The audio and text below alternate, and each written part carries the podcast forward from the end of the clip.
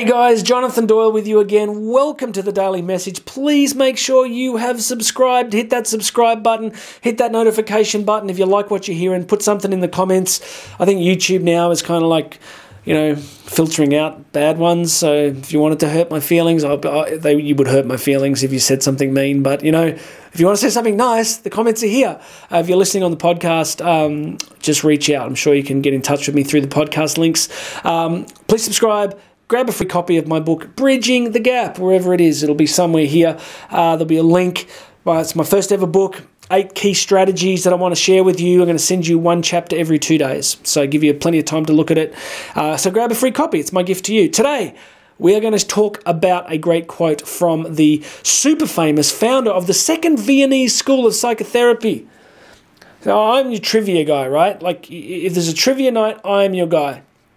Because I know things like this, right? The first Viennese school, you've got Freud. The second Viennese school, you've got Carl Jung. The third Viennese school of psychotherapy, you've got people like um, Viktor Frankl.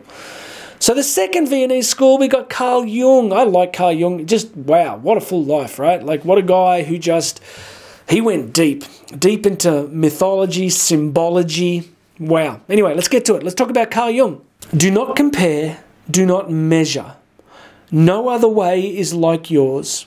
All other ways deceive and tempt you. You must fulfill the way that is in you. All right, this one's personal for me.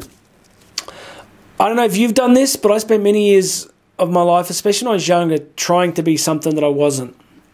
I remember as a kid, my mother always used to say to me, Be yourself, stop acting differently. You know, I remember definitely as a teenager, I just desperately wanted to be cool or tough or whatever. You know, sport was a big thing. I had this real struggle with being myself.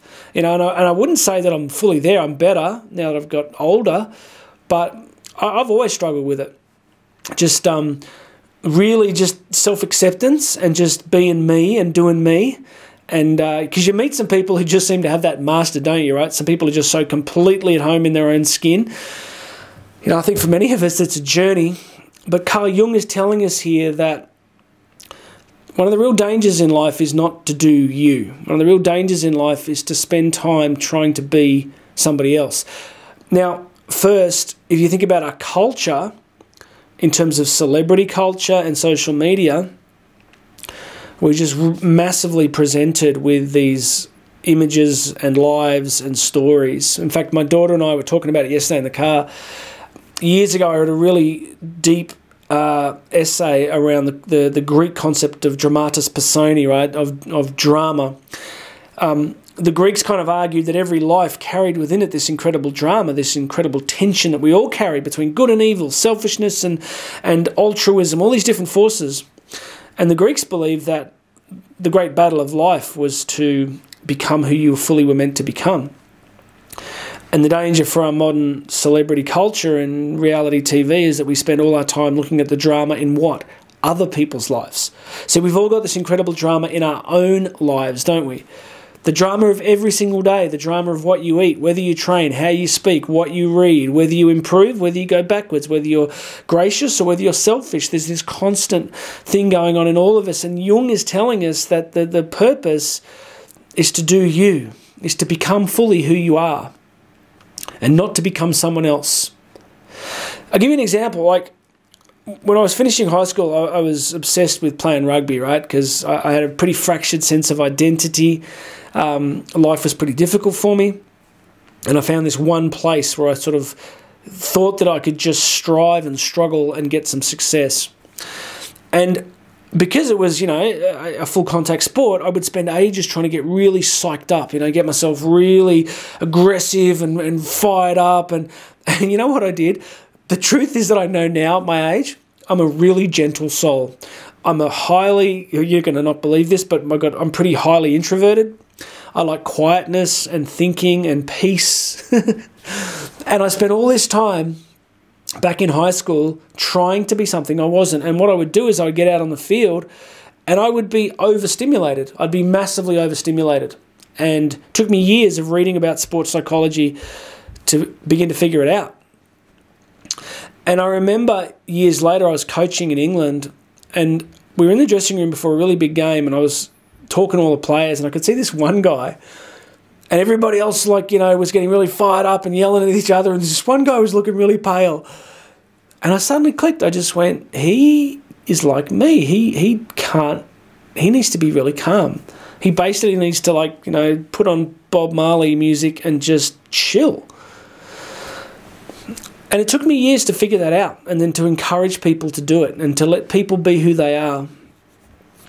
So, today in this message, what I'm saying to you is if you're spending any time in your life wanting to be someone else, or thinking that if you had something that they had, then you would be happy, it's understandable, but it's problematic. Let's put it that way.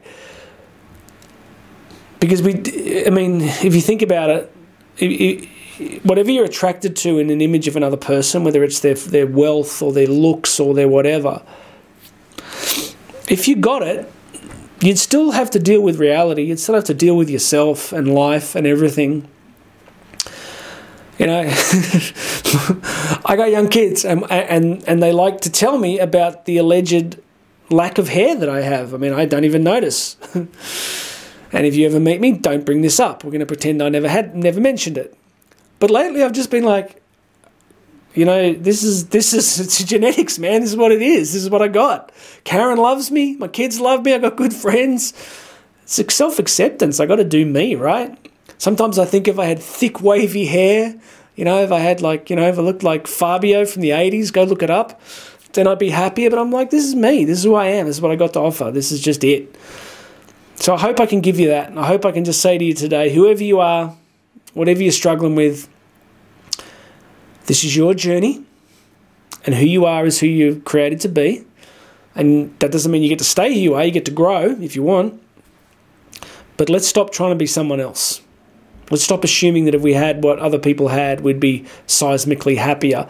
We'd still be us. And we'd still be, you know, the, th- the things that make us really happy are contribution, love, connection, family, meaning, service, I think those things, I think money and stuff's important because it can alleviate some of the stresses of life. So don't get me wrong, it's nice to have nice things. But the, the real juice of life, the real, you can have both, right? So you can have both. But the real juice of life is becoming to accept who you are and loving the people around you. I hope that's helpful. It's deep today. Wow. Please subscribe. Grab a free copy of Bridging the Gap. My name's Jonathan Doyle. I'm going to have another message for you tomorrow.